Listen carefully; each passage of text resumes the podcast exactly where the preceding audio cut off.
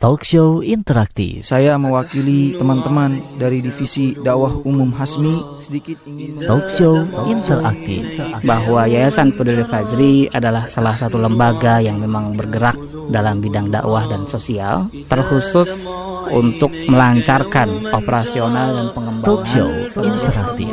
Di pagi hari yang penuh berkah ini saya hadir di sini di Radio Fajri untuk menyampaikan tentang forum komunikasi pendengar Fajri FM. Talk Show Interaktif. Kami ingin memperkenalkan Yayasan Cinta Remaja Bangsa mengenai masalah remaja. Talk Show Interaktif. Sama Islam Nasmi ini adalah sebuah lembaga pendidikan di bawah Yayasan Islam Al-Huda ya. Dan ini sudah Talk Show Interaktif. Yayasan Takrimul Quran ini merupakan eh, sebuah lembaga yang bergerak di dalam bidang Talk Show penghimbauan Interaktif. Interaktif. Saatnya, saatnya Anda mengikuti Talk Show Interaktif. Interaktif.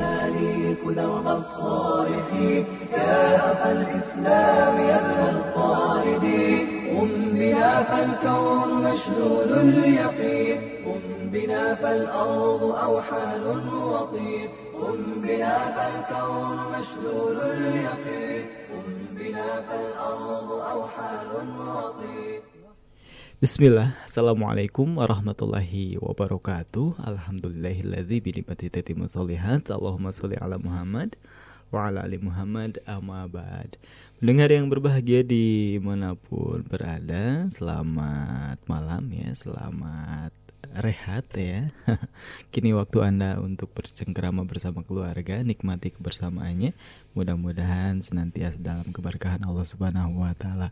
Amin ya Allah ya rabbal alamin. Berjumpa kembali bersama-sama Iki di gelaran talk show interaktif ya edisi Ahad tanggal 6 Desember 2020 Masehi atau bertepatan dengan tanggal 20 Rabiul Akhir 1442 Hijriah. Nah, bersama siapa nih Meiki yang akan menjadi bintang tamu di kesempatan malam Senin kali ini? Eh, yaitu ada dari Yalipa ya Yayasan Peduli Fajar Imani yang mana sudah ada satu bintang tamu atau narasumber ya jadwalnya dua ya. Di informasinya dua nih di selebarannya ya. Eh, eh, mungkin karena yang satunya berhalangan nanti juga mau kita tanyakan kenapa nih ya. Baik tapi yang pasti sudah ada Ustadz Muad Hendrisman, ketuanya langsung turun gunung ya dari Yayasan Peduli Fajar Imani atau yang mewakili eh, Yayasan Peduli Fajar Ima- Imani di kesempatan malam hari ini. Kita akan ga- gali informasi sebanyak-banyaknya ya ah, eh, untuk waktu satu jam. Insya Allah ada kabar gembira apa ya dari yayasan yang selama ini menopang ya operasional dakwah Radio Fajri juga berikut cabang-cabangnya. Baik. Kita akan sapa ya sebelum Iki bocorkan dengan sebuah tema apa gitu ya. Ada Ustaz Muad. Assalamualaikum warahmatullahi wabarakatuh Ustaz Muad. Waalaikumsalam warahmatullahi wabarakatuh. Kabarnya sehat Ustaz. Alhamdulillah Daramang Mang Iki. Keluarga sehat di rumah ya. Sehat-sehat semua Alhamdulillah. Alhamdulillah. Antum gimana Mang Iki sehat ya? Alhamdulillah sehat juga. Baik. Pengen nanya keluarga coba. Oh ya, Takut- tanya aja keluarga. Takut baper. Baik, Maiki beserta keluarga besar Fajri FM. Oh, iya. Alhamdulillah dalam keadaan sehat. Jawabannya walafiat. pasti ke situ. Hmm, ya baik ya. Penting sehat semua ya Amin ya. ya Allah ya Rabbal Alamin. Keluarga siapa pun di mana pun mudah-mudahan Amin. senantiasa dalam keberkahan Allah Subhanahu Wa Taala Apalagi di waktu malam-malam seperti ini ya Ya. Daripada mungkin Karena banyak sekali tayangan-tayangan yang kurang mendidik di televisi gitu ya Lebih baik stay tune aja di 99.3 Setuju Ustaz Muhammad ya Setuju aja deh. biar cepet ya. Baik bagi pendengar ya yang mau bergabung di kesempatan malam hari ini silakan bisa di 0811 11 10 993. 0811 11 10 993 Anda bisa melalui WhatsApp, Telegram, juga SMS ya atau bagi Anda yang aktif di dunia maya khususnya Facebook silakan ma- mampir ke fanpage Radio Fajri di facebook.com garis miring Radio Fajri ya baik Ustaz Muad lagi sibuk apa akhir-akhir ini? ya, lagi sibuk biasa aja Mang Iki. Mm. Manggung konser. Oh. nggak mungkin ya. Maksudnya gimana nih ya? Manggung sama konser. Ya, Iya. mungkin bahasanya beda lah ya manggung. Kalau orang lain juga sibuk manggung ya. Iya, Tapi kita begitu. juga punya kesibukan. Nggak begitu Bang Iki ya biasa saja Hmm. kesibukan keseharian seorang bapak rumah tangga Hmm. gitu ya Iya. di rumah maupun di di kantor juga masih terus berjibaku Iya. dengan eh, apa permasalahan-permasalahan dunia dakwah Hmm. ya khususnya untuk Radio Fajri dan sekarang memang lagi eh, ini Mang Iki kalau yang lagi ngehits itu sedang proses pendirian tiga radio dakwah hmm. ya di tiga kota begitu hmm. ya. Sekarang trending sudah, topik ya di trendingnya, ya, trendingnya. Ya. Dan sekarang sudah masuk tahap dua. Hmm. Kemarin uh, wakaf kita buka wakaf tahap satu untuk uh, pendirian di Purwakarta, hmm. alhamdulillah sudah selesai ya. dengan akuisisi dan juga perizinan segala macamnya. Nah, sekarang tahap dua uh, kita rencana untuk membangunkan apa uh, stasiun radionya. Nah, hmm. Nah, kalau kemarin baru perizinannya yeah. dan sekarang sudah siaran, masih tetap siaran di Purwakarta dan terus berdakwah. Cuma kan masih ini ya ngontrak ya hmm. gitu sedang diusahakan untuk dibangun stasiun radionya. Hmm. Nah, ini kita buka wakaf tahap kedua. Hmm. Alhamdulillah dari eh, ba- pembangunannya itu baru untuk tanahnya saja Mang Eki Hmm. ya Iya. tanah ini eh, kita anggarkan kurang lebih butuh 800 juta rupiah untuk kebutuhan tanah 1000 meter di Purwakarta yang nanti di atasnya dibangun masjid komplek eh, perkantoran stasiun radio Iya. gitu ya kemudian towernya dan lain sebagainya lah ya Iya. untuk menunjang kegiatan eh, dakwah di Hmm. radio Purwakarta Baik. gitu jadi baru terkumpul kurang lebih kemarin eh, terakhir 454 juta rupiah kalau nggak salah setengahnya ya. iya setengahnya kurang Setengahnya. lebih gitu ya Itu kurang lebih setengahnya lagi ya. setengahnya lagi di tahap kedua Hmm. karena eh, targetnya kan tadi tiga radio ya ini baru satu Iya. pendiriannya Hmm. jadi masih hutang dua dua setengah lagi lah. Luar biasa artinya peluang amal kita nih kaum muslimin. Muslimat Betul. di mana pun berada ya. Para muhsinin ya tentunya ya. Yang ingin apa memburu pahala ya.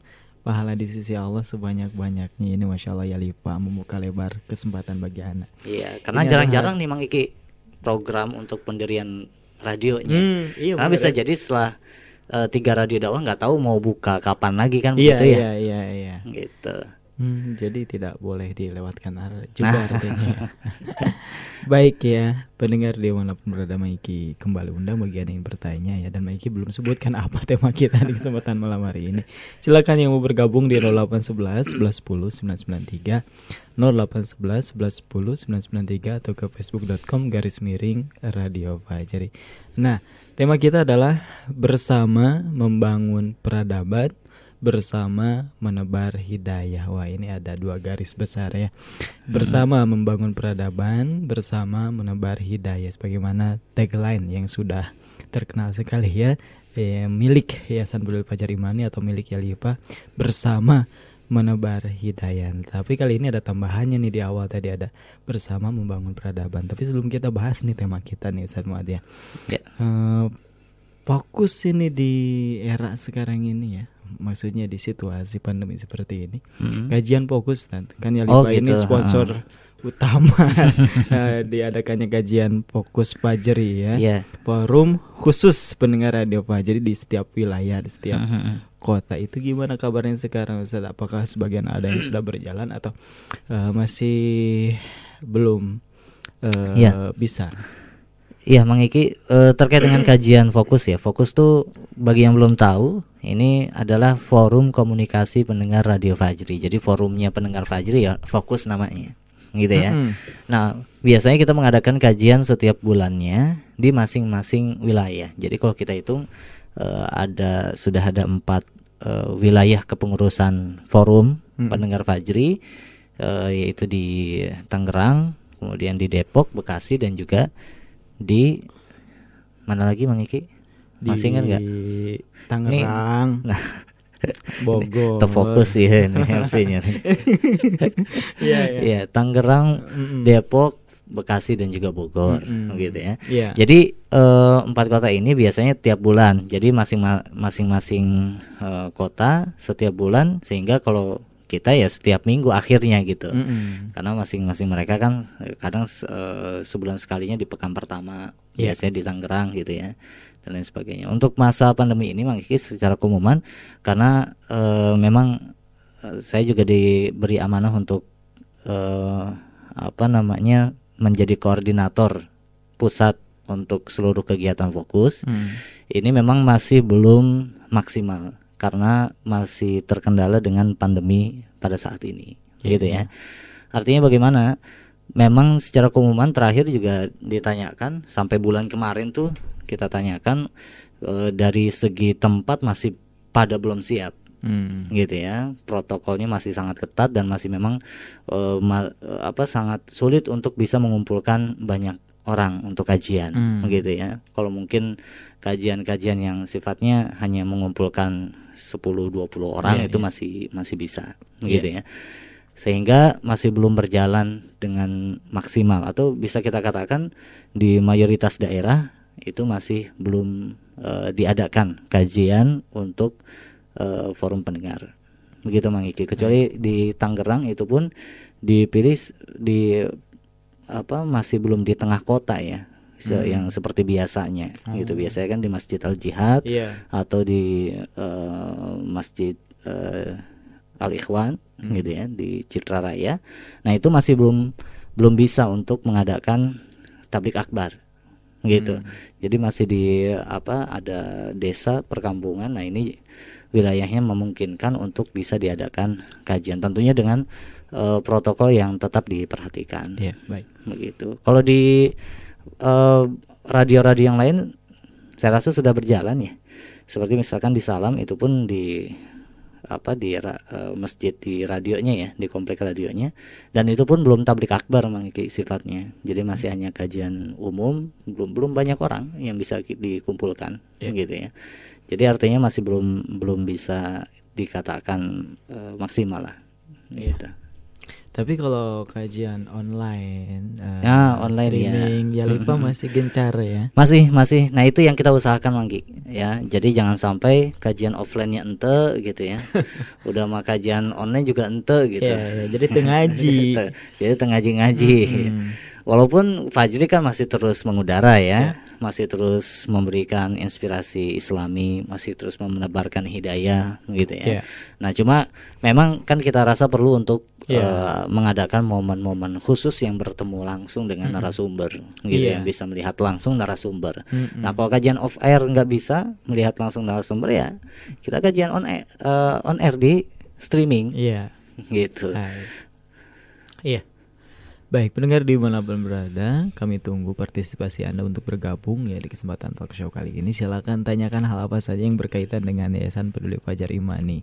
Boleh tentang wakaf juga ya. Tapi khususnya yang berkaitan dengan tema kita ya, bersama membangun peradaban, bersama menebar hidayah. Silakan kirimkan pertanyaan Anda ya atau tanggapan Anda di 0811 11 10 993. 0811 11 10 993. Ditunggu ya komentarnya. Baik, tiba-tiba nih Ustaz Muad. Eh, tema kita tentang membangun peradaban ya. Maksudnya apa nih tiba-tiba nih tidak seperti biasanya ya temanya ini membangun peradaban dan bersama menebar hidayah. Lalu eh, apa kaitannya kalau boleh ditanya gitu ya? Baik. Tentang eh, garis besar yang pertama tadi, eh, kemudian yang Membangun kedua. peradaban ya. Baik. Eh sebenarnya ini untuk hanya sekedar memurojaah mengiki Hmm. dan juga mengingatkan kembali tentang eh, bagaimana indahnya ketika kita hidup di bawah naungan Islam. Ya. Di bawah naungan syariah Islam dan di bawah penerapan syariah Islam.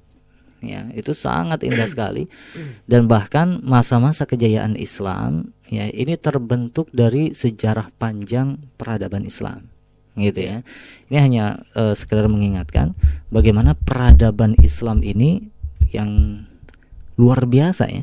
Ini bisa menguasai sebagian besar wilayah dunia lebih dari seribu tahun Itu kan satu hal yang Iya. luar biasa. Indonesia aja berapa tahun sekarang?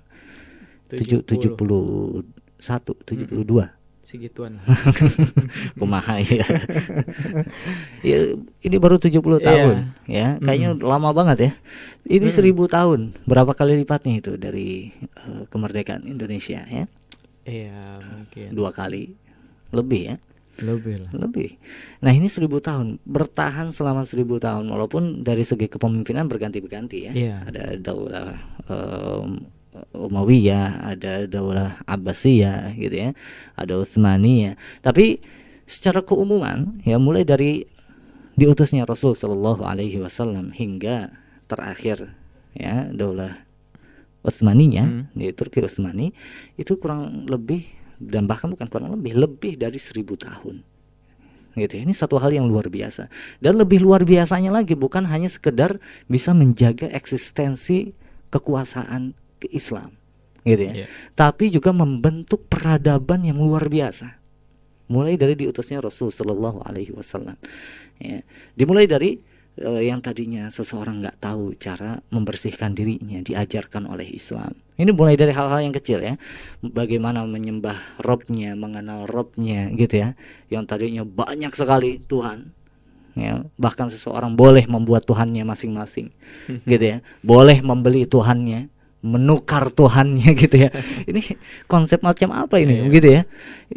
Tapi digiring ya sehingga peradabannya itu menjadi peradaban yang sangat luar biasa. Atau contoh kecilnya Mang Iki kalau kita eh, bicara secara keumuman lah ya. Gitu ya.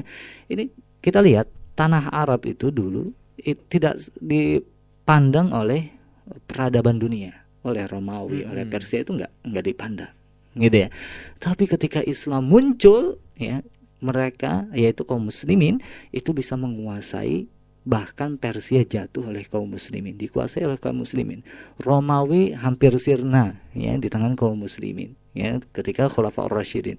Ini luar biasa gitu ya. Jadi membalik yang tadinya diremehkan nggak dipandang bahkan tiba-tiba menjadi peradaban yang paling tinggi di dunia dan bahkan sumbangsih peradaban Islam terhadap dunia ini luar biasa dari segi keilmuan. Berapa banyak ilmuwan ilmuwan dari kaum muslimin yang menjadi pelopor dari eh, ilmu-ilmu yang sangat banyak. Ilmu kedokteran ilmu em, matematika gitu ya. Ilmu fisika dan lain sebagainya. Ya berapa banyak ya. Dan bahkan banyak penemuan yang sangat bermanfaat di dunia saat ini itu dipelopori oleh kaum muslimin. Dari mana itu? Dari peradaban Islam. Bagaimana kacamata bisa dipakai lensa dipakai ya di mata gitu ya untuk penelitian semuanya. Eh, menjadi mikroskop gitu ya itu dari lensa. Siapa yang menemukan? Kaum muslimin gitu ya.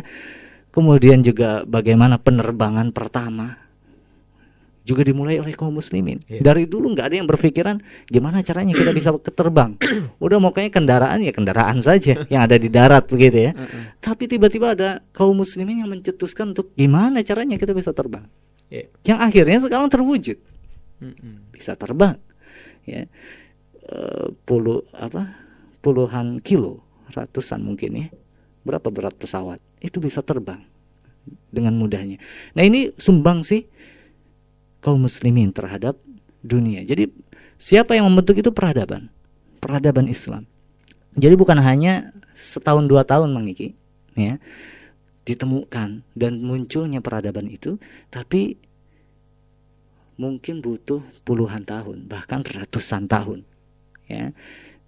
Dan itu semua dimulai dari diutusnya Rasul Shallallahu Alaihi Wasallam gitu ya. Jadi kalau misalkan banyak kaum muslimin ya yang mengidam-idamkan kejayaan Islam ya yang menginginkan kejayaan Islam. Kenapa? Karena hukumnya adil begitu ya. Banyak penemuan-penemuan ilmuwan-ilmuannya ulama-ulamanya sangat banyak ya. Bahkan kalau kita telisik bagaimana Imam Bukhari bisa muncul kemudian Imam empat mazhab bisa muncul itu adalah produk-produk dari peradaban Islam. Masya Allah. gitu ya.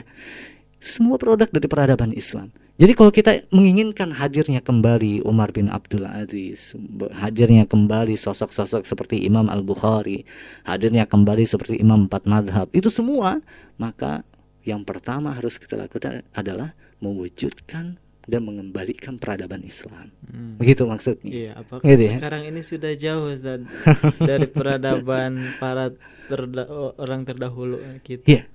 Kalau misalkan kita simak, ya ini sebenarnya satu pertanyaan yang nggak perlu dijawab ya. Hmm. Saya rasa semuanya semuanya sudah tahu jawabannya iya. bagaimana, yeah. begitu ya. Bukan hanya sangat jauh, tapi sangat berbeda sekali, Bang Iki. Ya, hmm. sangat berbeda. Udah udah kayak judul sinetron, dunia kebalik lah, gitu. Ya. yeah, yeah. Jadi ini produk-produk peradaban Islam yang kalau kita pengen punya produk seperti itu, pengen punya ilmuwan, ulama, ya, dan juga peradaban yang luar biasa seperti itu, maka wujudkan peradaban Islam. Nah, yang jadi pertanyaan Bang Iki yeah. sekarang adalah bagaimana cara mengawali wujudnya peradaban Islam, hadirnya nah. peradaban Islam, begitu ya? Nah, itu dia. Gimana mengawali? Kadang orang uh, apa namanya? pengen berbuat yeah. sesuatu tapi nggak tahu awalnya saya harus mulai dari mana ya gitu yeah. ini uh, kita awali lagi dari munculnya Rasul hadirnya Rasul Shallallahu Alaihi Wasallam diutusnya Rasul Shallallahu Alaihi Wasallam gitu ya. Hmm. dan ayat pertama yang menandakan diutusnya Nabi Muhammad Shallallahu Alaihi Wasallam adalah Iqra bismi rabbikal ladzi khalaq. Ya bacalah dengan nama Robmu yang menciptakan. Nah dari sini kita bisa ambil kesimpulan Mang Iki kalau tadi kita sepakat bahwa peradaban Islam itu mulai hadir, mulai muncul, mulai tumbuh semenjak diutusnya Rasul Shallallahu Alaihi Wasallam, maka yang menjadi penanda munculnya peradaban yaitu ayat tadi itu iya. tentang apa? Tentang membaca. Artinya apa? Peradaban Islam itu diawali dengan ilmu. Hmm. Gitu ya. Hmm. Dan ilmu apa yang diawali? Bukan ilmu kedokteran, bukan ilmu ekonomi. Kalau peradaban mau maju, ekonomi harus maju. Berarti kita harus dari ekonomi dulu, enggak? Belum tentu. Gitu ya. Hmm. Tapi dari ilmu dulu. Ilmu tentang apa? Ilmu tentang tauhid. Hmm. Gitu ya. Yeah. Dan kita lihat kalau ayat-ayat yang uh, berkaitan dengan peradaban Islam dan kejayaan Islam, misalkan di surat yang sering dibaca oleh imam ini ya, atau dibaca oleh khatib, yaitu di surat As-Saff ayat yang ke-9, Allah Subhanahu wa taala berfirman, "Huwallazi arsala rasulahu bil huda wa dinil haqq liyudhhirahu 'ala dini kulli."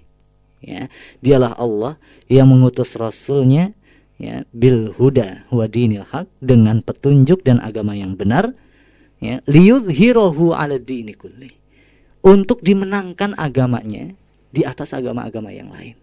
Nah, lihat ayat ini. Kalau misalkan kita perhatikan syarat untuk liyudhirahu ya, syarat untuk dimenangkan agama Islam di atas agama-agama yang lain ya adalah alladzi arsala rasulahu ya ya Allah lah yang mengutus rasulnya bil huda wa dinil haqq syaratnya adalah harus ada petunjuk dan agama yang benar. Hmm. Gitu ya. Artinya apa? Harus dimulai dari ilmu karena petunjuk hidayah itu nggak bisa datang dengan sendirinya. Walaupun kita yakin hidayah itu taufik itu bisa saja Allah berikan kepada siapa pun meskipun tanpa ilmu. Begitu ya. Tapi akan tetapi aglabiahnya, sebabnya yang paling utama adalah ilmu. Orang dapat hidayah karena ilmu, gitu ya. Orang menemukan hidayah dikarenakan ilmu. Nah, mulai dari ilmu inilah petunjuk wadi inilah hak dan juga agama yang benar. Gitu ya. Sehingga kalau kita lihat di ayat yang lain juga misalkan di surat Al-Munafikun itu juga sama. Walillahil izzah wali rasulihi walil mu'minin walakinnal munafikin la ya'lamun. Untuk Allah lah kemuliaan itu dan untuk rasulnya dan juga untuk kaum mukminin. Gitu ya. Dan tadi ya Rasul dan juga kaum mukminin itu nggak mungkin terwujud hadir kecuali setelah Rasul Shallallahu Alaihi Wasallam mengajarkan hidayah kepada umatnya sehingga terbentuklah kaum mukminin. Jadi ini syarat yang mutlak yaitu ilmu dan juga apa? Diajarkan ilmu tersebut. Pengajaran ilmu itu ya. Yaitu ilmu tentang tauhid. Jadi syarat pertama adalah hadirnya orang-orang yang bertauhid yang berserah diri kepada Allah Subhanahu wa taala maka baru akan muncul peradaban. Kita lihat uh, dari diutusnya duta pertama Islam yaitu Mus'ab bin Umair radhiyallahu an ya. Rasulullah kalau misalkan kita lihat di Mekah Rasul ditolak dari Taif kemudian dicerca di Mekah ya ditolak di Mekah gitu ya. Dan peradaban Islam baru berkembang pesat setelah beliau menetap di Madinah. Bagaimana caranya beliau menetap di Madinah? Diutuslah Mus'ab bin Umair. Untuk apa? Bukan untuk memerangi orang-orang Yastrib Madinah. Bukan. Bukan untuk mengajarkan dagang. Ini cara dagangnya Rasul misalkan. Enggak itu dulu yang diajarkan. Tapi yang diajarkan oleh Mus'ab apa? Yaitu ilmu tauhid yang pertama kali diajarkan. Berserah diri kepada Allah Subhanahu wa taala. Gitu ya. Setelah terbentuk kaum mukminin orang-orang yang bertauhid barulah pindah Rasul Shallallahu alaihi wasallam dan dari situ barulah muncul peradaban Islam. Barulah dimulai berdirinya peradaban Islam. Mulai dari apa tadi? Dari ilmu. Hmm. jadi poin pertama kalau kita mau uh, apa menerapkan dan juga mewujudkan peradaban Islam sebarkan ilmu. Gitu. Ajarkan ilmu. Ya. Tentunya setelah kita juga mengilmui. Gitu yeah, ya. yeah. ada orang-orang yang oke saya bisa belajar gitu ya. Tapi saya kurang bisa mengajarkan misalnya begitu ya. Bersama-sama bantu mengajarkan support orang-orang yang mengajar yang pandai mengajar yang bisa mengajar begitu ya. Jadi ini supaya apa? Ilmu tauhid ini bisa menyebar luas. Ini yang pertama mengiki mengapa peradaban Islam bersama membangun peradaban, yaitu peradaban Islam tentunya ya. Bersama membangun peradaban, kenapa? Karena kita lihat dan juga kita ingin bahwa produk-produk yang dahulu dihasilkan oleh peradaban Islam itu ada juga di kita. Hmm. Ya. Dan juga kita ingin kemajuan-kemajuan Islam itu juga ada di generasi kita selanjutnya. Gitu ya. Dan itu semua dimulai dari ilmu dan juga menebarkannya. Makanya kalau tadi Mang Iki mungkin sempat nanya kenapa bersama membangun peradaban dan bersama menebar hidayah, yeah. begitu ya. Relasinya apa nih? Hubungannya yeah. apa? Hubungannya baik-baik aja sih sebenarnya. yeah. Nggak nggak ada apa musuh-musuhan, nggak ada Mang Iki, gitu ya. Hubungannya baik-baik aja.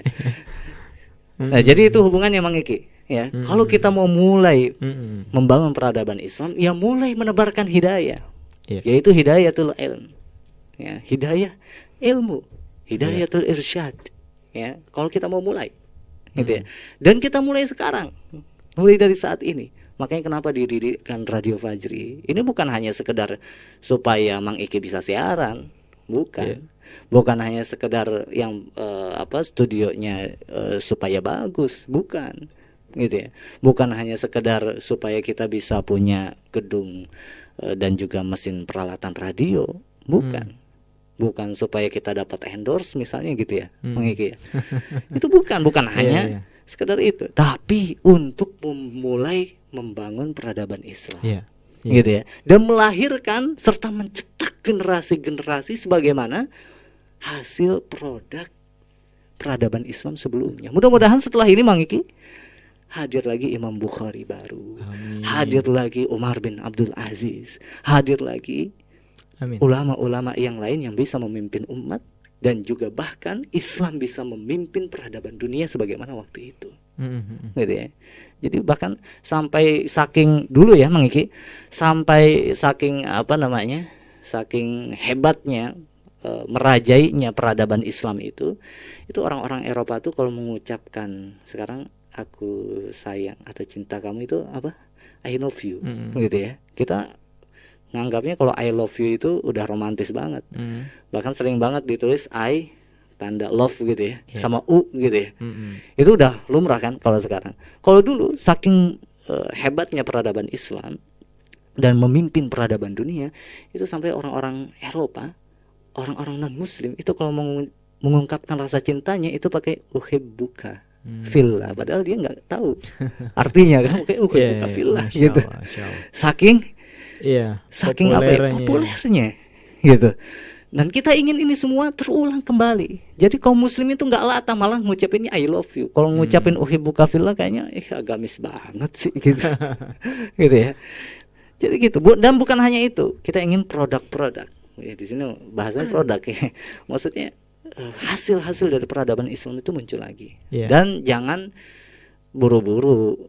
Hmm. Mana nih Radio Fajr udah 20 tahun masa nggak ada tuh Umar bin Abdul Aziz. Oh, Iya. ingat bagaimana Umar bin Abdul Aziz itu muncul ya di zaman dinasti Umayyah. Hmm. Begitu ya. Itu ratusan tahun dari dimulainya peradaban Islam di Madinah. Iya, iya. Gitu ya. Jadi jangan berpikir produk itu akan muncul pada saat ini, harus hari ini Mang Iki, gitu ya. Tapi mungkin akan muncul 100 tahun, 50 tahun, mungkin lebih cepat lagi 30 tahun kemudian. Atau Iya. mungkin setelah kita tiada gitu ya. Itu kita baru bisa merasakan munculnya peradaban Islam sebagaimana sedia kala. Hmm.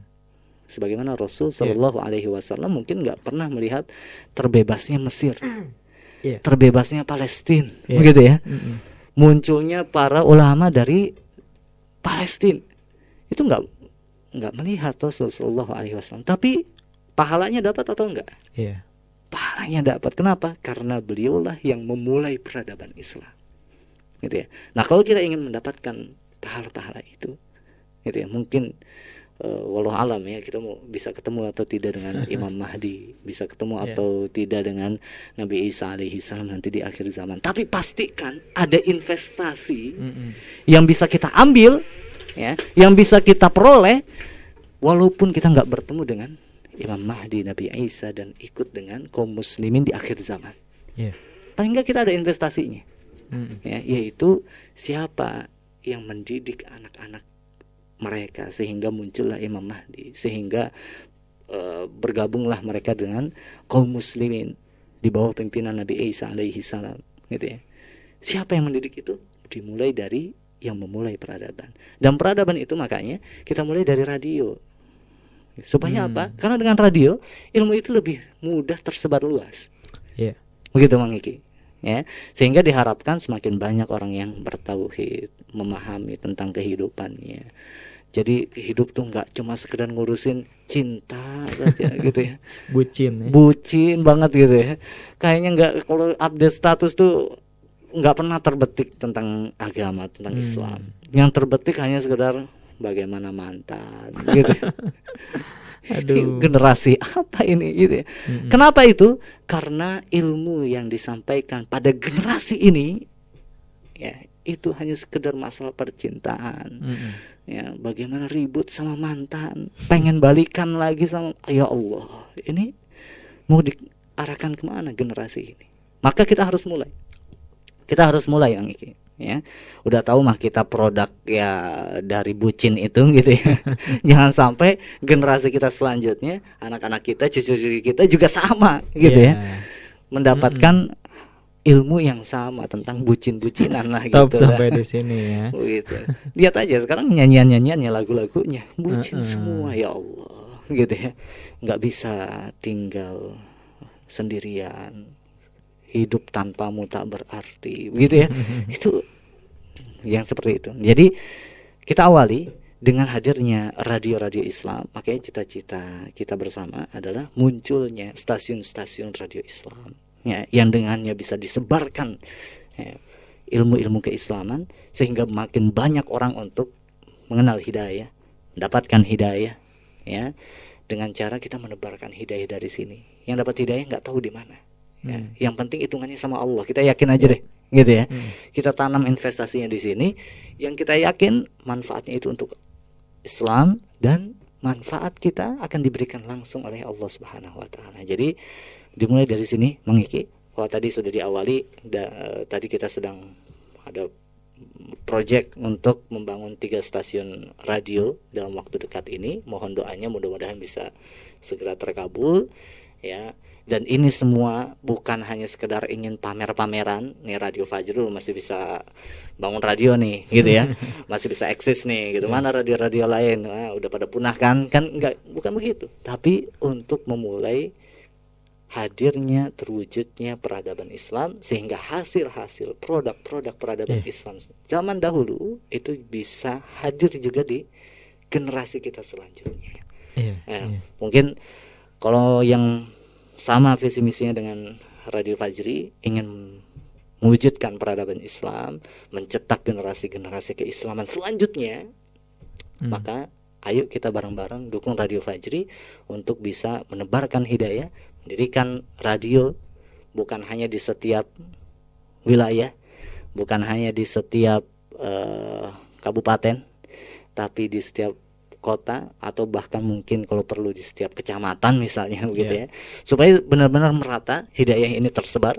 Jangan sampai ada orang yang kenapa nggak eh, apa nggak taat sama Allah? Gitu ya, ya kan? Saya nggak tahu. Nggak ada yang sampai ke saya. Jangan sampai ada yang seperti itu. Gitu ya. Jadi benar-benar pastikan hidayah ini benar-benar tersebar sebagaimana misi Rasul Shallallahu Alaihi Wasallam ke seluruh orang ke setiap orang karena hidayah itu hak setiap insan. Iya. Oke, Baik. cukup mungkin Mang Eki ya. Baik, masya Allah ini menarik Ustaz Muhammad ya. Jadi Maiki ingat tagline Fajri. Mm. Fajri FM, suara kebangkitan Islam. Kemudian Yalipa ya, satu beli Fajar Imani tagline-nya bersama menebar hidayah. Oh ternyata dari situ. Ya. kita meroja makanya tadi Nah, sampaikan makanya kita meroja. merojaah lagi. Tapi luar biasa. Dan yang paling penting ya poinnya eh, tentu apa namanya eh, kebangkitan Islam ya eh, peradaban Islam kembali berjaya itu harapan kita semua sudah pasti Betul. ya. Cuma kan kita mencari gimana caranya ternyata caranya sudah kita temukan yaitu dengan ilmu ya dan Fajri FM ya ya sebelum Fajar Imani juga bersama cabang-cabang Fajri ini eh, tidak lain yang disiarkan ya disiarkan adalah ilmu-ilmu syar'i yang insya Allah akan eh, menjadi cikal bakal saat ya. Amin, benih-benih embrio ya. Embrio-embrio untuk ya di masa depan nanti insya Allah walaupun Amin. mungkin tidak hari ini ya. Mang Iki kaburu kolot Ustaz Muad juga ya. Keburu tapi anak-anak kita anak-anak cucu kita ya. Amin. insya Allah ya Mm-mm, yang penting kita investasi ikutan Investasi. ya berpartisipasi berkontribusi Betul. baik yang mau nanya silakan pendengar di mana pun berada masih tersisa waktu kita ya kurang lebih tinggal 20 menit lagi silakan di 0811 1110 993 atau ke facebook.com garis miring radio Fajri tidak dipindah frekuensi karena setelah yang berikut ini kami akan segera kembali Murnikan pengetahuan Islam Anda dengan selalu mendengar Radio Fajri. Jadikan Fajri pembimbing Islami keluarga Anda. Sebarkan info media ini dan dapatkan pahala berlimpah. Radio Fajri, suara kebangkitan Islam.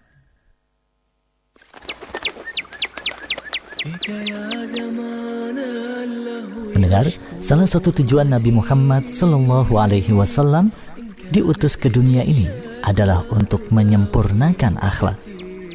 Nabi Sallallahu Alaihi Wasallam bersabda, Innama bu'ithtu liutammima salihal akhlak. Sesungguhnya aku hanyalah diutus untuk menyempurnakan akhlak yang luhur.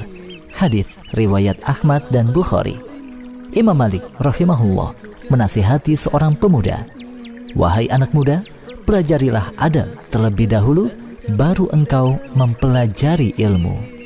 Melihat besarnya keutamaan adab dan juga akhlak, tentu kita ingin memiliki adab dan akhlak yang terbaik. Pendengar, ada kabar baik untuk kita semua. Kini telah hadir paket adab dan akhlak spesial Radio Fajri yang akan membantu kita terus belajar dan memperbaiki adab dan akhlak kita. Paket adab dan akhlak spesial Radio Fajri berisi satu buah flash disk berisi ratusan audio ceramah Islam pemateri Radio Fajri tentang adab dan juga akhlak. Juga dilengkapi dengan satu buah buku hardcover setebal 408 halaman menjelaskan tentang adab dan juga akhlak berdasarkan dalil dari Al-Quran maupun As-Sunnah. Maka lengkaplah sudah dengan buku Anda membaca, dengan audio ceramah Anda mendengarkan untuk terus belajar memperbaiki adab dan akhlak. Pendengar, segera miliki paket adab dan akhlak spesial Radio Fajri. Baca dan bagikan kepada orang yang Anda cintai. Info pemesanan hubungi 0857 993 993 98 0857 993 993 98 أملا تنير مسير دعوتنا وتوقيد مشعل الإيمان كي تنجو بأمتنا اصبر فإنك يا أسير شمس تدور لها Murnikan pengetahuan Islam Anda dengan selalu menyimak Radio Fajri. Jangan lewatkan acara-acara unggulan dengan beragam ilmu keislaman sebagai bekal meraih ketakwaan. Kuliah Islam Rasulullah SAW mengingatkan kita agar mempertahankan keilmuan kita tentang Islam itu sampai kita menemui kematian.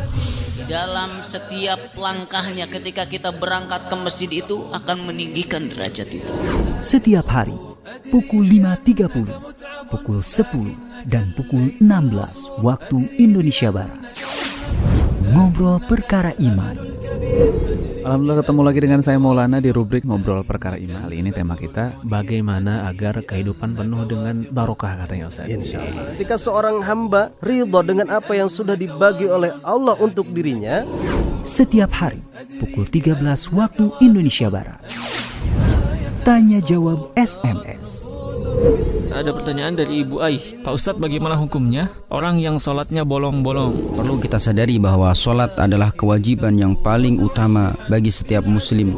Setiap hari, pukul 17 dan pukul 21 waktu Indonesia Barat.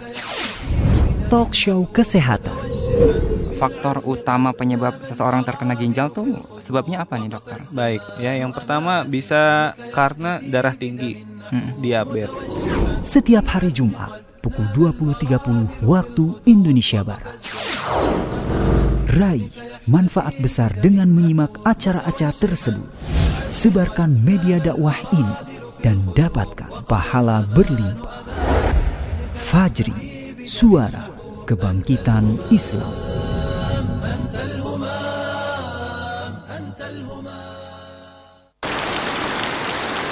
Hujan, itulah yang terpikirkan ketika mendengar kata payung. Lalu bagaimana jika payung yang digunakan juga sebagai sarana dakwah? Alhamdulillah telah hadir payung dakwah Fajri. Payung dengan untayan nasihat indah dari Radio Fajri sangat cocok sebagai sarana dakwah untuk mengenalkan Radio Fajri juga sebagai hadiah bagi orang-orang tercinta. Segera pesan sebelum kehabisan dengan cara ketik nama lengkap tanda pagar payung Fajri tanda pagar alamat lengkap kirim ke 0857 993 993 98 via SMS atau WhatsApp 100% keuntungan untuk keberlangsungan dakwah Radio Fajri. Saat ini Anda sedang mendengarkan frekuensi 99.3 Fajri FM dan radio streaming di alamat situs www.fajrifm.com. Fajri, suara kebangkitan Islam.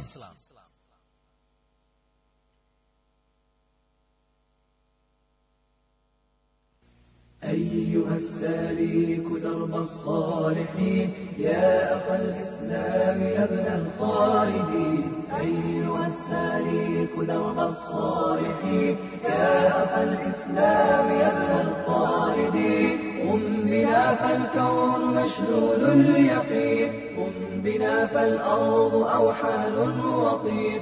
قم بنا فالكون مشلول اليقين قم بنا فالأرض أوحال وطين واحمل الزاد وأنوار Masih di saluran 99.3 Fajri FM Suara Kebangkitan Islam mendengar dimanapun berada bersama saya Maiki Di gelaran talk show interaktif ya Masih bersama narasumber yang sama Ada Ustadz Muad Hendrisman ya Dari Yayasan Peduli Fajar Ihmani Dengan sebuah tema bersama membangun peradaban dan bersama menebar hidayah Iya Soalnya kalau sendiri membangun peradaban juga nggak bisa, Ustaz ya harus bersama ya. Udah sendiri menebar hidayah juga sulit. Ya, Sulit. makanya butuh kebersamaan, Kayak butuh jamaah. Seperti membangun rumah tangga sendirian Iya, itu nggak bisa. ya sih.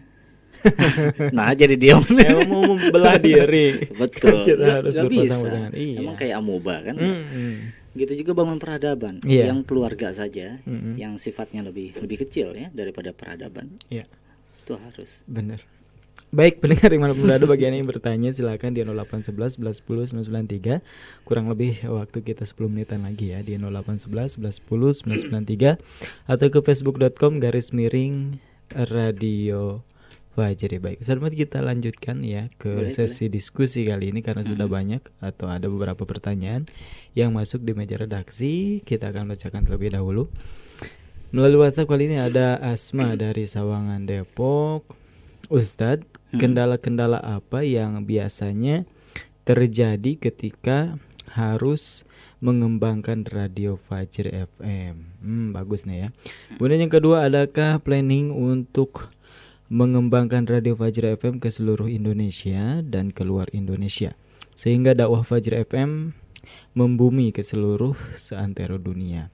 Tetap konsisten dan istiqomah Fajri FM. Semoga dengan keberadaan radio-radio Fajri FM di seluruh negeri Indonesia lahir seluruh generasi rob eh, sebuah ya mohon maaf. Lahir sebuah generasi robani yang memiliki ma'rifah yang tinggi akan hakikat kebenaran dan umat yang mendukungnya memiliki akidah fikroh dan memaham dan manhaj perjuangan yang jelas dan semangat tauhid yang melahirkan ker- kerinduan syahid di jalannya. Amin ya rabbal alamin. Ini ada pertanyaan bagus tadi yang pertama tadi kendala apa ya Hmm, yang biasanya terjadi ketika kita membangun radio dakwah ya seperti radio Fajr FM. Kemudian yang kedua, adakah planning ya untuk mengemba- mengembangkan radio Fajr FM ke seluruh Indonesia? Ya. Bahkan keluar Indonesia. Baik. Terima kasih sebelumnya Ibu Alfiah Mm-mm. Asma Rifai yang sudah bertanya dan juga berdiskusi di kesempatan malam hari kali ini. Yang pertama kendala, kendala tentu di setiap hal itu pasti ada kendala-kendala yang mengiringi. Ya. Hmm. Kalau biasanya di Yarifa itu kita udah nggak nyebut kendala, Mang Iki. Apa itu bahasanya? Nyebutnya tantangan. Karena kendala tuh kadang kalau ada kendala Iya, mentok iya. kita gitu ya. Tapi kalau ada Ah, tantangan nah, ini gimana caranya bisa Hmm. eh, mendobrak Hmm. tantangan ini gitu. Nah, ini tantangan-tantangannya tentu ada saja ya dan juga sangat banyak mungkin kalau dirinci bisa jadi satu novel ya. Iya. Bahkan bisa bersambung. jadi dua novel. Iya. Kayak menarik juga tuh Mang Iki. Bisa, Kita rangkum bukunya ya. Iya, iya. Bisa bareng-bareng. Terus kita beri solusi bareng-bareng ya Nah. terkait tantangannya. Baik, kendalanya di antaranya yang terbesar tentu adalah kembali yang pertama adalah di dana, Hmm. pendanaan. Iya. Oke, sebenarnya ingin sekali dari dulu Radio Fajri itu ingin eh, apa namanya men, apa ya menanam investasi-investasi berupa stasiun radio-radio dakwah, gitu ya. Namun kembali tadi ke dana, dana itu sangat berpengaruh karena ini juga harus dipertimbangkan jangan sampai berdirinya oke Alhamdulillah kita langsung mendirikan 10 radio dakwah Betul, gitu ya betul. cuma bertahan 10 hari Iya. gitu ya karena memang operasionalnya juga lumayan Iya. besar Eh, bisa dibilang eh, berimbang lah Mang Iki dengan effort yang kita lakukan dengan eh, apa hasil yang diinginkan gitu ya karena kenapa kalau kita datang satu persatu mengetuk rumah door to door menyampaikan hidayah gitu ya. Hmm. itu tentu butuh effort yang luar biasa. Ya tiap hari bayangin Mang Iki ya.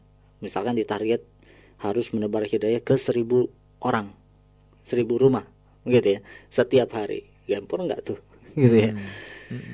Dan itu pasti butuh biaya juga selain usaha yang luar biasa Ya. gitu ya.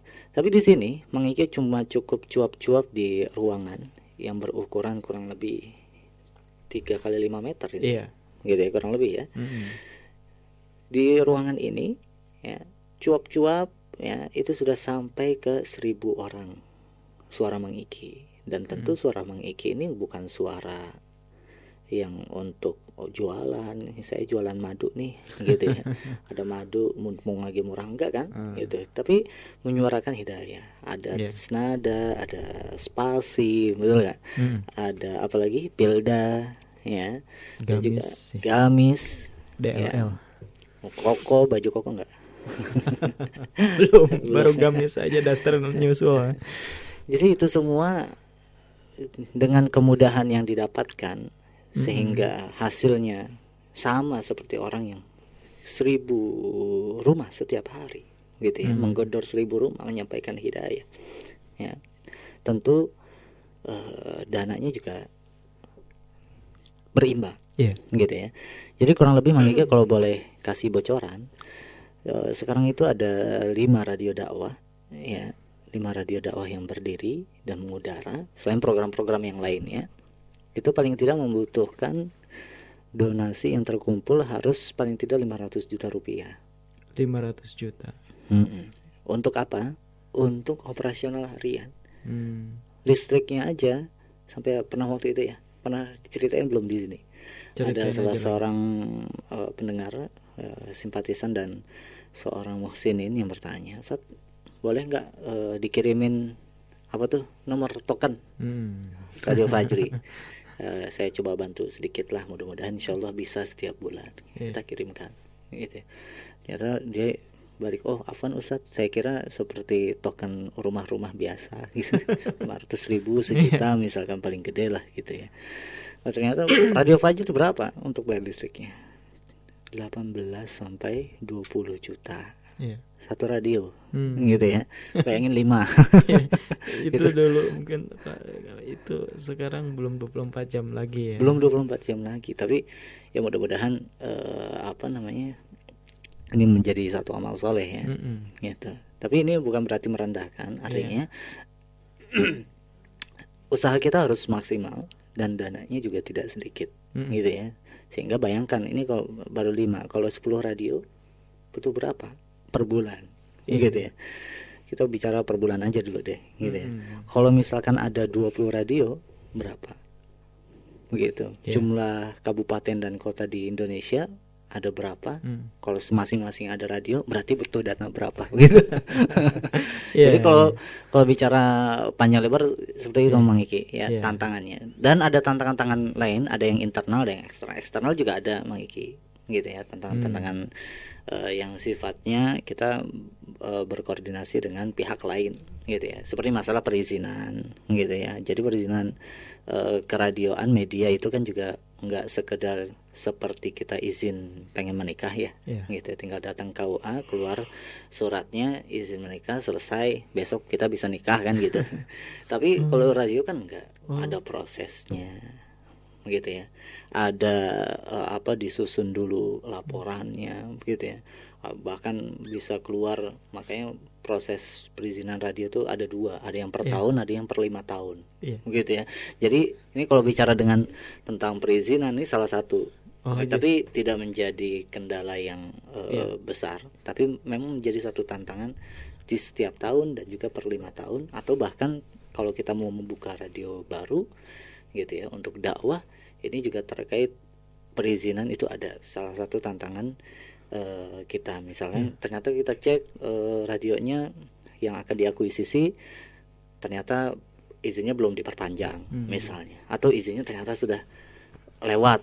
Harusnya eh, wa- walaupun lewatnya sebulan tapi ini bagi radio nggak bisa nyusul gitu ya. Hmm. ntar lah saya nyusul aja gitu nggak Iya. bisa gitu. Ini prosesnya akan akan berat lagi. Jadi eh, lebih ribet binti sulit bangun radio daripada bangun rumah tangga ya. nah begitu makanya Oh heran jadi juga optimis ya. Heran Buat- juga sama yang eh, bisa di radio tapi nggak bisa. Enggak itu Iya. cok aja ya Mang Iki ya. Iya, jadi optimis aja buat bangun radio misalnya. Radio dulu lah ini ya. Hmm, Gitu. Bangun subuh aja dulu lah ya. itu kendala-kendala Mm-mm. eh, artinya mudah-mudahan alhamdulillah Mang Iki dari tantangan-tantangan itu banyak kaum muslimin yang mensupport ya Hmm. banyak muhsinin para donatur juga yang mensupport Ya. Radio Fajri sehingga biidnillahi taala badallahi taala ya eh, itu dapat diatasi dengan eh, baik nah makanya kita butuh terus dukungan support dan juga tambahan-tambahan support terus menerus gitu ya Iya. hari ini eh, kita bisa lima radio tahun depan bagaimana caranya bisa 8 radio bisa Hmm. 10 radio bisa nah ini Iya.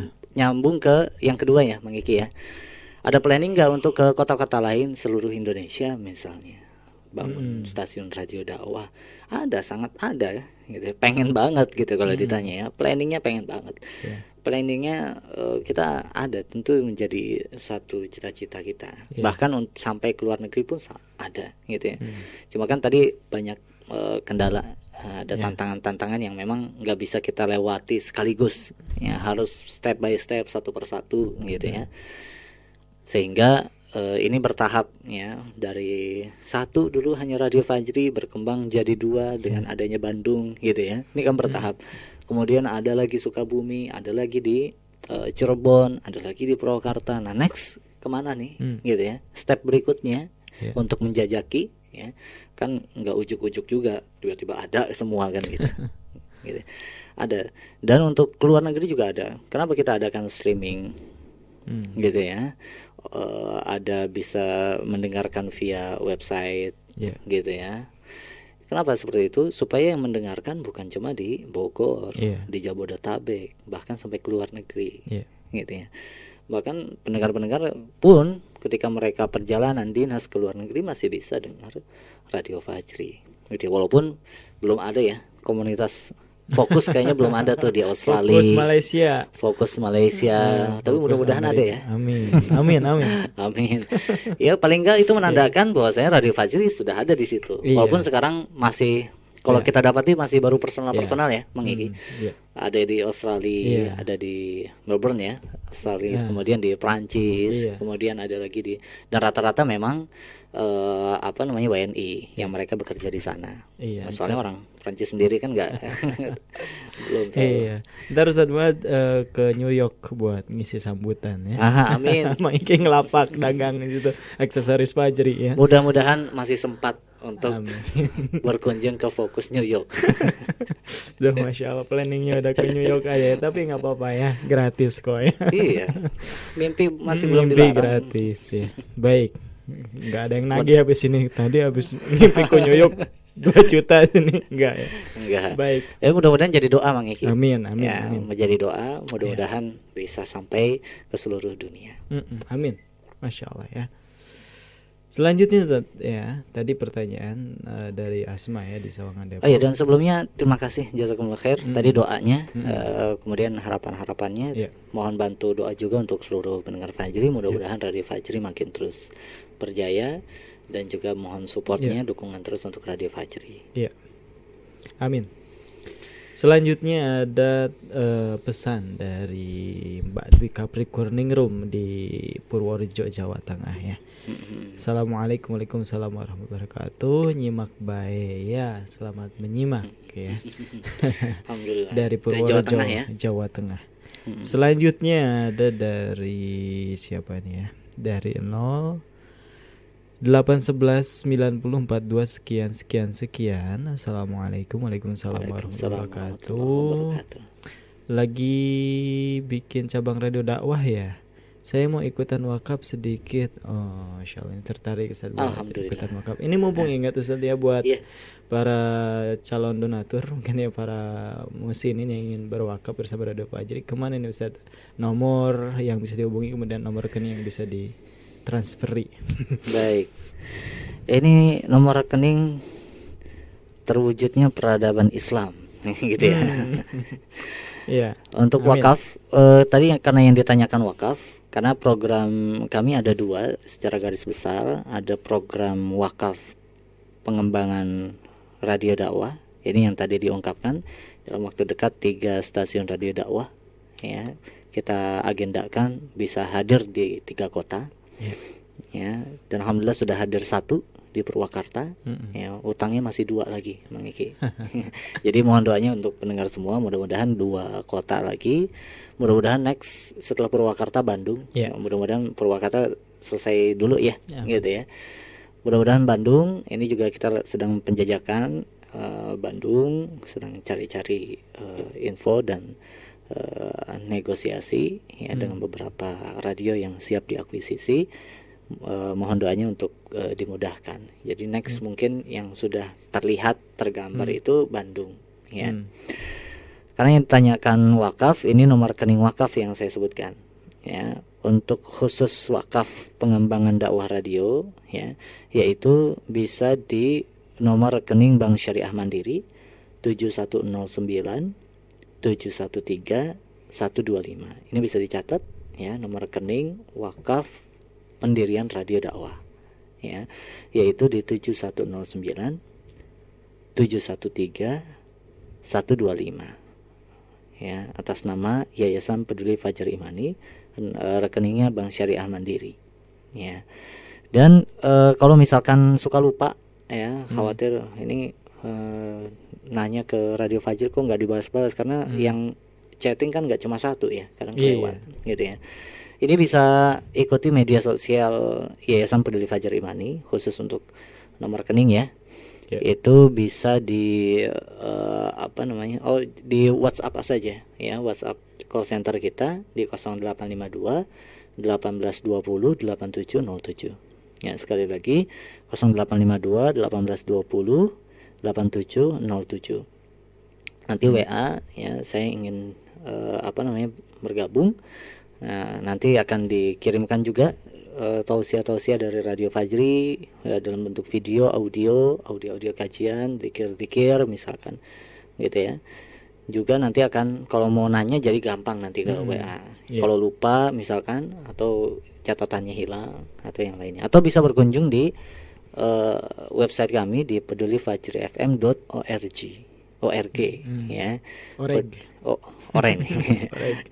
Peduli ORG, Faj- ya. peduli Fajri FM tanpa spasi dan tanpa titik Hmm. baru dot org Ya. gitu ya ini untuk memudahkan kalau nanti tiba-tiba alhamdulillah ada rezeki nih gitu ya daripada ditunda-tunda akhirnya kepake akhirnya diurungkan lagi niatnya karena syaitan itu terus menggoda ya. Mm-mm. ya yuwaswisu fi sudurin nas. Dia selalu mewaswasi eh, manusia. Makanya kalau punya niat amal soleh segera kerjakan. Jangan sampai dia diwaswasi oleh syaitan akhirnya nggak jadi. Ya Iya. kecuali belum datang waktunya gitu ya. Hmm. tapi kalau sudah ada niatan nih pengen sedekah oh ini pengen bayar zakat. Sekarang tuh jangan tunda-tunda apalagi sekarang eh, medianya sangat mudah ya nggak kayak dulu. Kita harus ngitung dulu apa emasnya dinarnya bener nggak? Udah Iya. masuk nisab kalau udah oh ini harta zakatnya nih harus eh, datang dulu ke baitul mal gitu ya. Ini kan repot kadang nggak ada waktu. Kalau sekarang ya meskipun sesibuk apa pun bisa transfer ah saya pengen sedekah? Udah langsung sedekah. Jangan sampai nunggu nanti entar sore kalau sudah pulang. Kalau eh, ini ah itu nanti keburu di waswasi syaitan Hmm. ya karena syaitan itu dia selalu menakut-nakuti manusia dengan dengan kefakiran. Kalau baik- bicara amal soleh sedekah zakat terutama ya ntar miskin ntar fakir ntar gimana? Ntar buat beli ini. Ntar kebutuhan beras nggak kebeli Hmm. gitu ya. Nah itu diwaswasi oleh syaitan. Ya. jadi segerakan ya eh, dan juga tadi nomor rekeningnya. Ya. kalaupun yang mau operasional mengiki juga boleh. Operasional itu untuk tadi yang per bulan yang disebutkan 500 juta paling tidak Hmm. per bulannya. Ya target kita 500 juta. Jadi eh, kalau mau untuk operasional eh, ya sudahlah. Mudah-mudahan ini jadi eh, amal rutin saya gitu ya Ya. karena kan amal yang paling cintai adalah yang sedikit walaupun ya apa yang Ya, rutin walaupun ya, sedikit sedi- ya. Ya, udah mulai malam nih mang Iki. Iya. gitu ya jadi karena saya aduh kalau wakaf bolehlah sesekali tapi kalau untuk yang rutin kan biasanya nggak terlalu besar ya Hmm. gitu ya kalau yang wakafnya 500 juta Iya. lah sekali transfer misalnya gitu ya. Kalau yang rutin kan paling 10 juta 20 juta per bulan boleh gitu gitu. Iya, iya. atau 100 ribu 50 ribu rutin boleh. Itu masuknya operasional. Nah operasional rekeningnya beda lagi. Supaya kita nggak kecampur Hmm. gitu ya. Nggak kecampur eh, bisa dicatat di Bank Syariah Mandiri 7068 790 268 nah nanti di iklan-iklan Ya. Radio Fajri juga suka ada Iya, ya. ditunggu saja iklannya. Jadi itu dua rekening dari Hmm. dua program utama kami bisa dicatat dan juga mudah-mudahan bisa disimpan nanti sewaktu-waktu kalau ada rezeki lagi bisa ditransfer. Amin. Masya Allah. Demikian pendengar ya info nomor rekening juga info call center ya Yayasan Peduli Fajar Imani semoga bermanfaat jadi eh, ladang amal untuk kita semua ya untuk meraih pahala sebanyak-banyaknya. Kemudian selanjutnya ada Ibu Kasih dari Kelapa Gading Jakarta Utara ikut nyimak aja sama Iki. Habisnya nggak ada yang ditanyain. Eh, ya udah kalau nggak ada ya nggak usah dipaksain ya. Terima kasih Ibu Kasih sudah berpartisipasi bergabung ya. Baik selanjutnya ada siapa dari 0858 8975 sekian sekian sekian. Eh, Pak Ustadz semoga semuanya lancar. Apa yang direncanakan dimudahkan Pak Ustadz. Amin ya Allah ya Rabbal Alamin. Nah kita cukupkan Ustadz Muhammad. Masya Allah juga pendengar di mana pun berada Karena waktu kita sudah habis sebenarnya Sudah overload. Tapi Ustadz Muhammad eh, Kalau ingin menyampaikan sesuatu ya Di penghujung acara ini sebelum Iki tutup silakan. Baik, eh untuk merefresh kembali tadi pembahasannya tentang membangun bersama membangun peradaban bersama menebar hidayah. Ya, maka dari itu di kesempatan akhir pertemuan kita kali ini, ya, kami mengajak anda untuk bersama-sama membangun peradaban, ya, bersama Radio Fajri dengan cara menebarkan hidayah bersama-sama. Dan caranya kayak gimana? Gitu ya, apa kita harus eh, apa namanya? Ngasih radio Fajri ke setiap orang gitu ya. Atau gimana caranya? Ya ada berbagai macam cara. Dan sebenarnya tidak harus anda juga menjadi penceramah tidak harus anda menjadi pendakwah. Walaupun kalau misalkan bisa itu afdol gitu ya. Itu lebih utama gitu ya. Cuma kalau nggak bisa jangan sampai kita terputus dari amal dakwah. Ya kita ketinggalan dari kereta dakwah. Kereta Hmm. sudah melaju cepat kita nggak ikut Iya. ya yaitu dengan cara apa? Mensupport dengan berbagai macam cara yang kita bisa. Yang pertama adalah menebar menyebarkan keberadaan radio Fajri. Gitu ya. Masih banyak orang yang belum tahu ya di Bogor saja itu ada kurang lebih eh, berapa? 5 5 5 juta kalau tidak salah. 3 sampai 5 juta penduduknya. Gitu ya. Dan itu ya belum sem- belum tentu semuanya tahu tentang radio Fajri. Gitu ya. Begitu juga yang lain ya sebarkan keberadaan radio Fajri. Dengan cara apa? Bisa dikasih tahu. Ya ini ada radio Islam loh bagus loh. Gitu ya bisa diikuti. Eh, ada tilawah Qurannya bisa jadi rukyah juga bisa menenangkan hati dan lain sebagainya. Gitu ya. Kemudian yang kedua juga dengan cara eh, apa men-share setiap kegiatan-kegiatan Radio Fajri atau tausiah-tausiah dari Radio Fajri. Hmm. Ya biasa kita dapat dari medsos ya. Ikuti setiap channel Radio Fajri ataupun Yayasan Peduli Fajri Imani.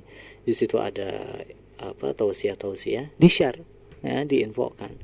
Ya, disebarkan, di broadcast ya info-info tersebut, tausiah-tausiah tersebut ini bagian dari menebarluaskan eh, keberadaan radio Fajr. Jadi orang tahu oh ada radio Islam loh yang bagus loh gitu ya.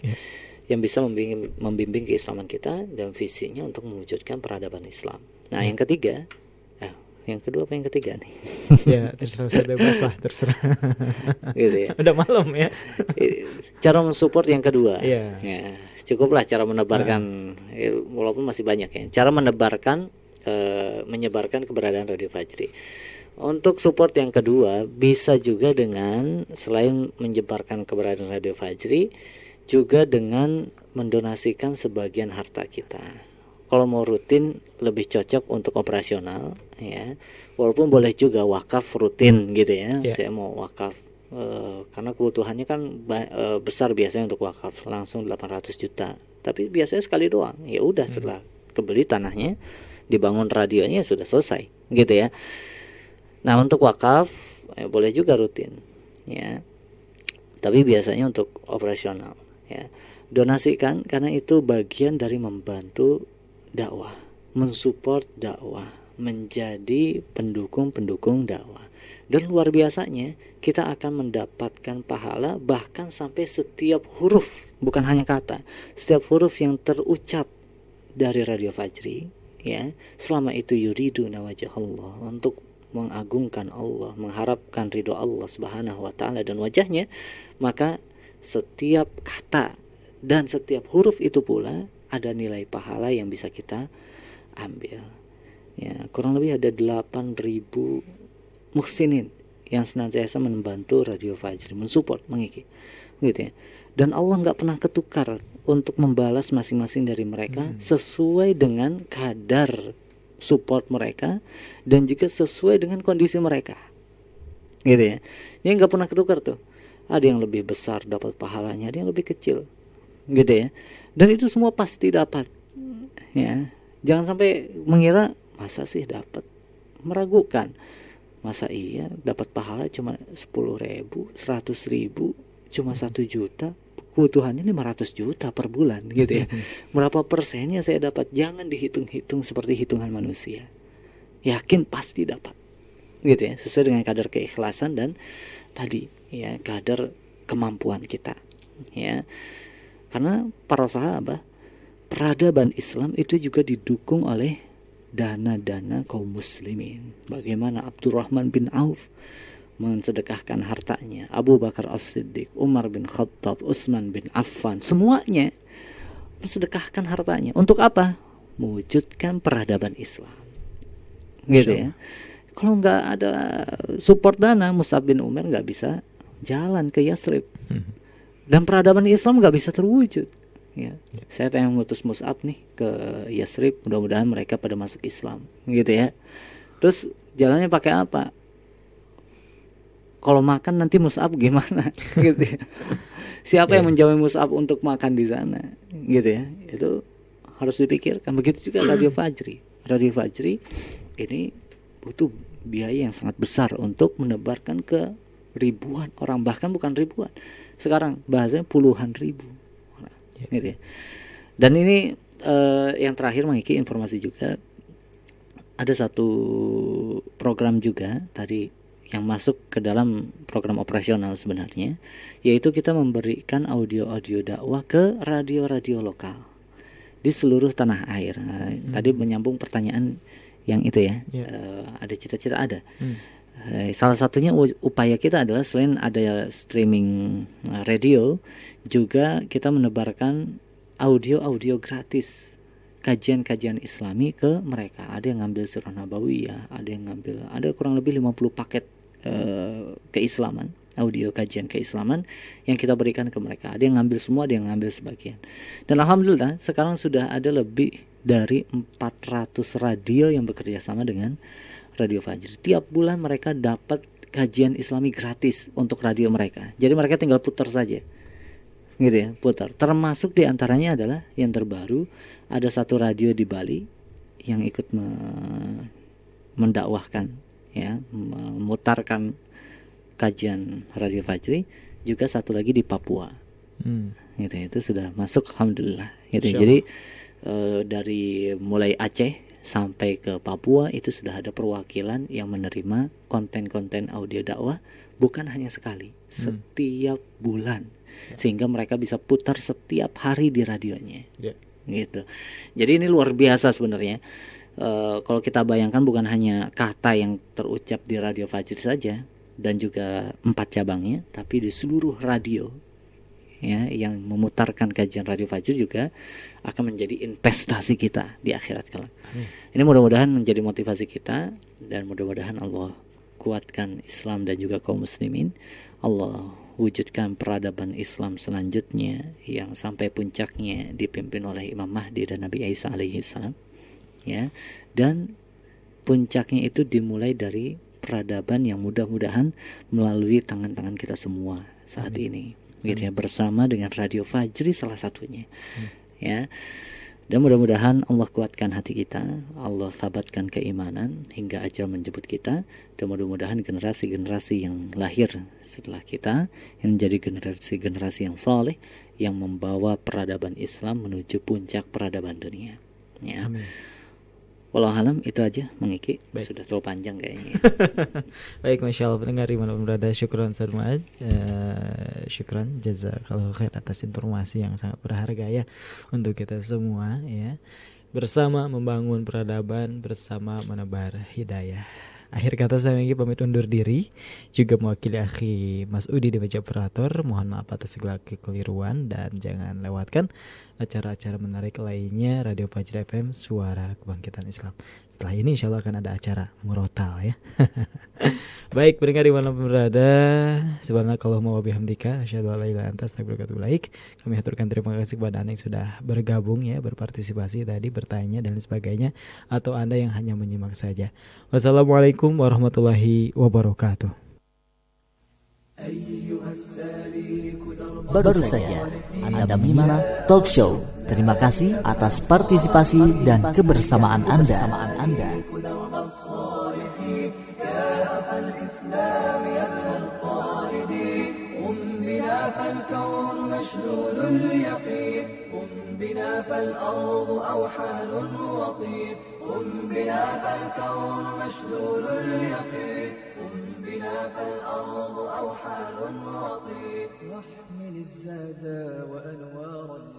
نوارس